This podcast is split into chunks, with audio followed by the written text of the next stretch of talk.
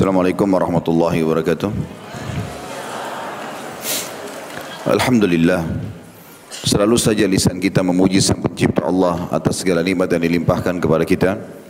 Dan juga selanjutnya kita panjatkan salawat dan taslim kepada Nabi besar Muhammad sallallahu alaihi wasallam sebagaimana Allah telah memerintahkan kita untuk mengucapkan salam hormat kepadanya. Melanjutkan bahasan kita pada buku kitab Adab Mufrad yang ditulis oleh Imam Bukhari rahimahullah. Dan kita masih membahas bab 135 masalah akhlak yang mulia.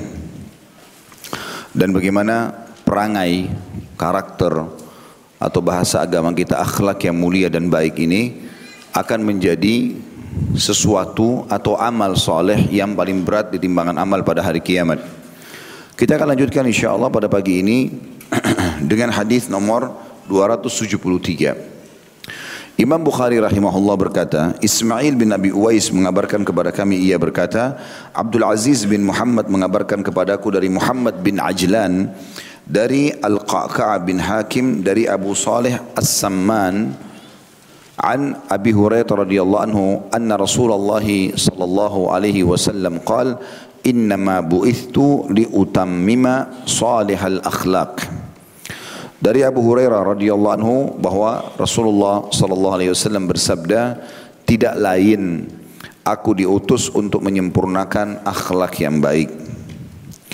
Kandungan hadis ini disebutkan Ibnu Abdul Bar, salah satu ulama yang masyhur mengatakan yang termasuk akhlak mulia adalah kesolehan. Semua perbuatan baik, ketaatan, kebajikan, muru'ah, Muru'ah itu menjaga kesucian hubungan sama Allah. Ihsan, berbuat kebaikan yang maksimal dan adil. Dengan semua inilah Nabi SAW diutus untuk menyempurnakannya. Yakni menyampaikan akhir kesempurnaannya. Karena sungguhnya kesempurnaan akhlak dengan seluruh keutuhannya hanya terdapat dalam agama Islam. Saya lebih dalam merincikan masalah hadis ini dengan izin Allah SWT. Nabi SAW bukanlah satu-satunya utusan Allah. Sebelum beliau sudah banyak utusan Allah. Bahkan beliau sendiri bersabda dalam sebuah hadis yang sahih riwayat Al-Hakim dalam kitab Mustadraknya. Sesungguhnya nabi-nabi itu diutus oleh Allah 124 ribu orang. Di antaranya 313 rasul. Jadi jumlahnya sangat banyak. Dan kita ini sebagai umat Muhammad sallallahu alaihi wasallam wajib mengimani 25 nabi dan rasul. Jadi tidak semuanya kita tahu kisahnya, tapi 25 nabi dan rasul ini. Nah, dari semua nabi-nabi ini mereka menjalankan agama yang satu, yaitu Islam. Enggak ada agama baru. Agama yang dibawa oleh Nabi SAW ini bukan agama baru. Cuma satu agama Allah turunkan dari langit dan perintahkan sebagaimana Allah jelaskan dalam surah Al-Imran ayat 19. A'udzu billahi minasyaitonir rajim. Inna dina indallahil Islam. Sesungguhnya agama di sisi Allah hanya Islam. Enggak ada agama baru. Terbukti bahwasanya agama semua nabi-nabi satu adalah sabda Nabi SAW yang merincikan masalah itu.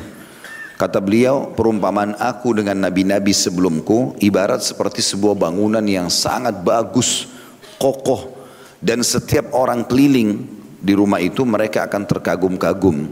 Jadi mereka semua kagum melihat bangunan ini sangat bagus. Tinggal satu batu bata saja.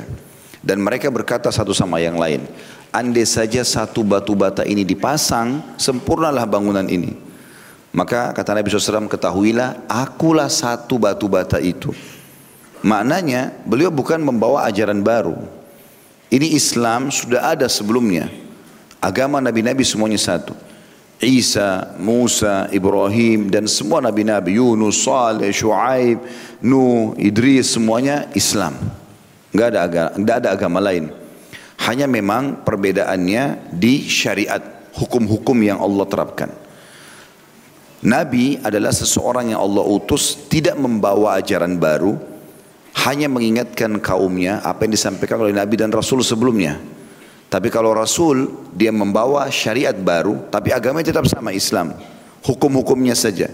Membawa syariat baru yang menghapus syariat sebelumnya. Jadi agama Nabi Musa dengan Nabi Isa dengan Nabi Muhammad SAW sama Islam. Cuma beda di syariat. Isi Injil Taurat ada beberapa hukum yang dihapus dalam Injil. Allah ubah sesuai dengan kehendaknya yang maha kuasa. isi juga Al-Quran, ada yang di, menyambung isi-isi Taurat dan Injil, ada juga yang menghapusnya. Tetapi induknya adalah agama Islam. Makanya orang-orang yang beriman di zaman Nabi Musa alaihissalam kepada Nabi Musa sebelum datang nabi-nabi dan atau datang Rasul setelah Musa alaihissalam dikatakan Muslim dan mereka masuk surga. Kita nanti insya Allah meninggal dalam keadaan iman dengan izin Allah swt kita akan bertemu dengan orang-orang beriman sebelum kita. Mereka adalah Muslim-Muslim pengikut para nabi-nabi, gitu kan? Sampai nanti ada Rasul yang datang, misalnya Musa dengan Isa. Musa Rasul, Isa Rasul. Nah, fase sebelum datang Rasul Isa, maka syariat yang diterapkan adalah syariatnya Nabi Musa. Tapi dengan datangnya Isa membawa kitab Injil, menghapus syariat Nabi Musa. Tapi tetap harus diyakini ada nabi namanya Musa, ada kitab namanya Taurat. Tapi dengan datangnya Injil tidak berlaku lagi hukum-hukum yang ada pada Taurat. Tapi jangan lupa agama mereka satu, Islam. Ini perlu digarisbawahi, gitu kan? Sebenarnya istilah Yahudi dan Nasrani itu bukan agama. Agama Nabi-Nabi adalah Islam. Itu perlu digarisbawahi.